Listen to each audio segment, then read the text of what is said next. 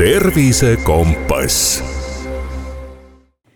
tere, hea Tervisekompassi kuulaja oktoober on vaimse tervise kuu ja see tähendab, et sel kuul on meie taskuhäälingus ainult vaimse tervise teemad. ja me oleme alustamas äh, koostööprojekti Peaasjadega, mille käigus siis me võtame oktoobri jooksul erinevad teemad ette, arutame neid ja peaasjade spetsialistid annavad siis nendes saadetes just nimelt praktilist nõu tänane külaline on peaasi.ee nõustaja Susanna Männik, kellega me räägime siis enesekindlast suhtlemisest. tere, Susanna! tere! mida me mõtleme või millest me räägime, kui äh, on teemaks enesekindel suhtlemine?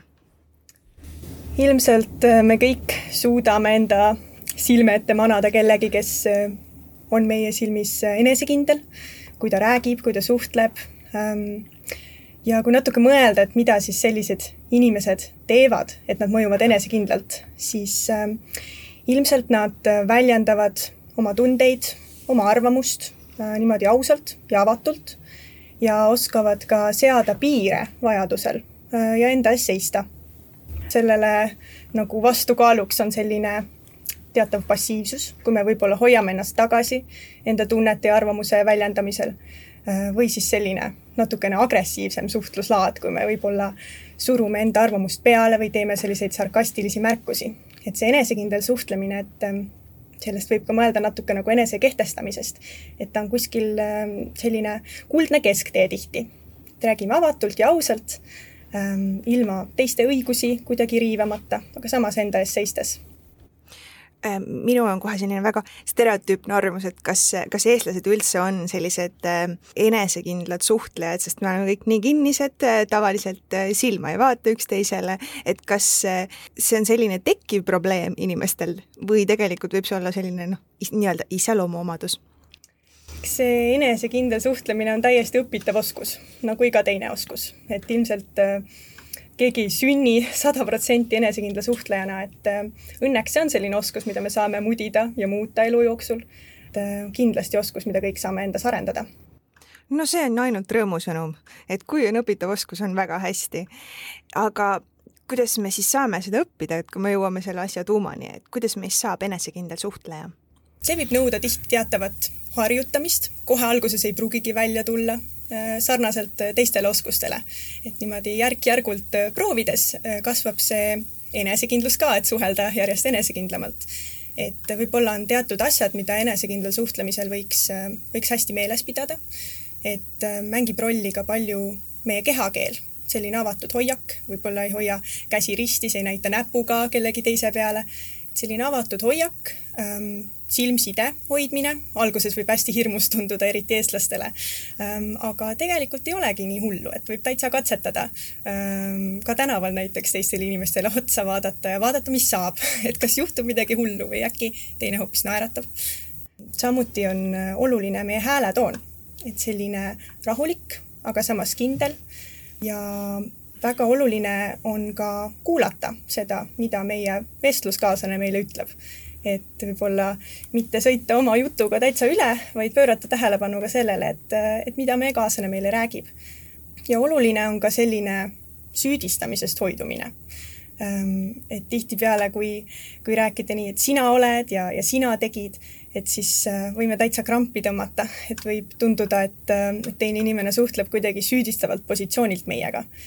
Et äh, siin tulevadki mängu sellised asjad nagu mina-laused et äh, nagu nimigi ütleb, äh, siis, siis seal keskendume sellele, kuidas meie tunneme, kuidas meie olukorda näeme. ma mõtlen, et äkki me võiks proovida ühe sellise mina sõnumi koos ka kokku panna. äkki sa mõtled mõne sellise suhtlusolukorra peale, mis sul on kellegagi olnud, mis tekitas sinus mingeid võib-olla tugevamaid tundeid, mida sa sooviksid teisele inimesele väljendada vaat need on need olukorrad, kus äh, kui öeldakse, et räägi üks nali, siis mitte ühtegi nalja nagu maailmas poleks kuulnudki, mitte midagi ei tea see on tuttav tunne. et see on täpselt selline olukord. ma võin sulle tegelikult appi ka tulla näiteks äh, mõne näitega, ähm, millega on noored pöördunud meie juurde peahea tasuta noorte nõustamisele. et äh, tihtipeale näiteks kooli kontekstis on rühmatööd, kus on vaja teiste inimestega teha head koostööd. ja võib tekkida olukord, kus sina oled oma osa ära teinud, tähtaeg on lähenemas, aga sõber ei ole veel grupitööst enda osa teinud. ja võib tekkida päris tugevaid tundeid. me võime karta, et kui teine ei teegi enda tööd ära, me saame halva hinde, võib tekkida selliseid hinnanguid inimese kohta, et küll ta on laisk, ta ei tee kunagi midagi õigeks ajaks ära aga ilmselt, kui me teisele inimesele seda täpselt niimoodi väljendame, kasutades sellist sina äh, sõnumit, et sa oled laisk, sa ei tee oma ülesandeid õigeks ajaks ära, et võib-olla tunned isegi, et tekib selline teatav kaitsepositsioon, justkui tahaks ennast kaitsma hakata, et, et see sõnum mõjub päris ründavalt, siis võibki proovida selle tõlgendada hoopis sellisesse mina sõnumi keelde. et äh, mina sõnum lihtne meelde jätta koosneb tegelikult kolmest osast. see on selline äh, olukorra hinnanguvaba kirjeldus, siis teine osa on äh, enda tunnete väljendamine. Ähm, ja, ja kolmas osa on selline sooviavaldus, ehk siis äh, mida sa vajaksid hetkel, et, et teine inimene teeks, et, et ta muudaks oma käitumist ja samas teie suhted jääksid selle juures nagu heaks. tegelikult me ju teise inimese sisse kunagi ei näe, et sellepärast ongi hästi kasulik, kui me räägime üksteisega ja väljendame oma tundeid ja oma soove, siis koos näiteks liikuda kas või mingi kompromissi poole kui selle mina sõnumiga algust teha, siis võib-olla alguseks kirjeldad, kirjeldadagi, et mis see olukord on, et, et meil on kolmapäeval selle töö tähtaeg ja, ja meil ei ole see esitlus siiamaani lõpetatud.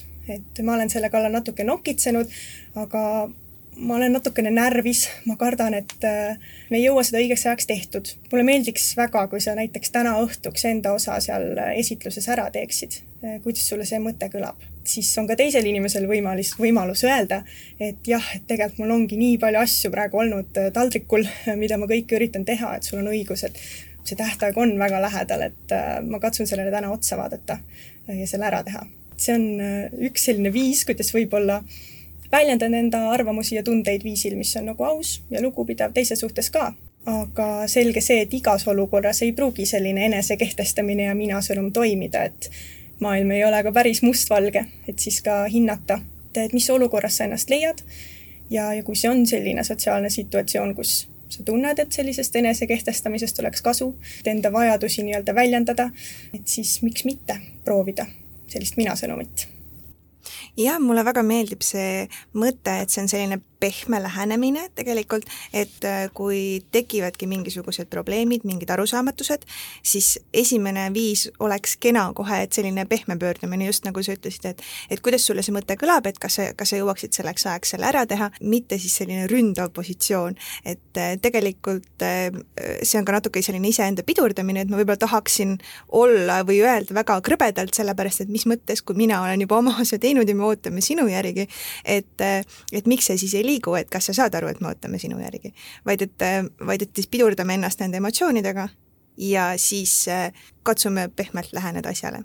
Tegelikult sinu tunded selles olukorras on ju kõik väga okeid, et ongi täiesti inimlik tunda sellist kärsitust ja närvilisust, äh, kui see olukord äh, on selline aga just mõelda selle peale, et, et kuidas neid oma tundeid teisele inimesele niimoodi väljendada, et äh, see ei muutuks ründavaks. et teine inimene saaks ka võib-olla enda käitumist natuke analüüsida selle asemel, et näidata näpuga ja võtta kuidagi selline kaitsev hoiak.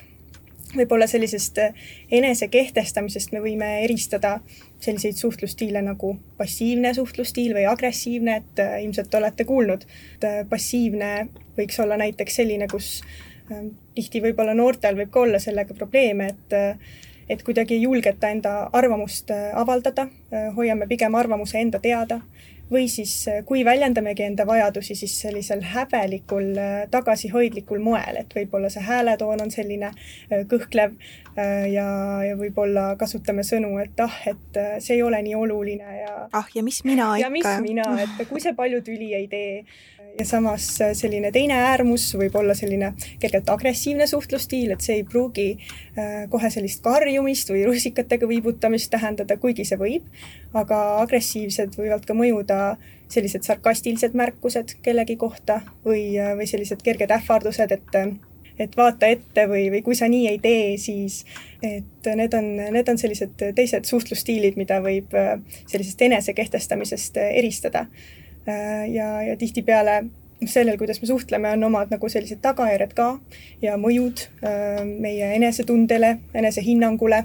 Kui me ei avalda näiteks oma arvamust, mida me tegelikult mõtleme, mida me tunneme, et siis selline meie eneseusk võib nagu päris palju kannatada saada, et äh, võib-olla me ei jõua ka selliste lahendusteni mingites sotsiaalsetes olukordades, mis tegelikult meile meeldiksid, mida me vajaksime et äh, sellise enese kehtestamise kaudu äh, võib tihtipeale sellist eneseusku või, või enesekindlust kasvatada, et kui me väljendamegi oma mõtteid ja tundeid, et mida me nagu päriselt mõtleme ja tunneme, ja anname sellest teisele inimesele ka teada, et siis äh, äh, omavahelist suhtlust parandada äh, ja, ja sellist eneseusku tõsta.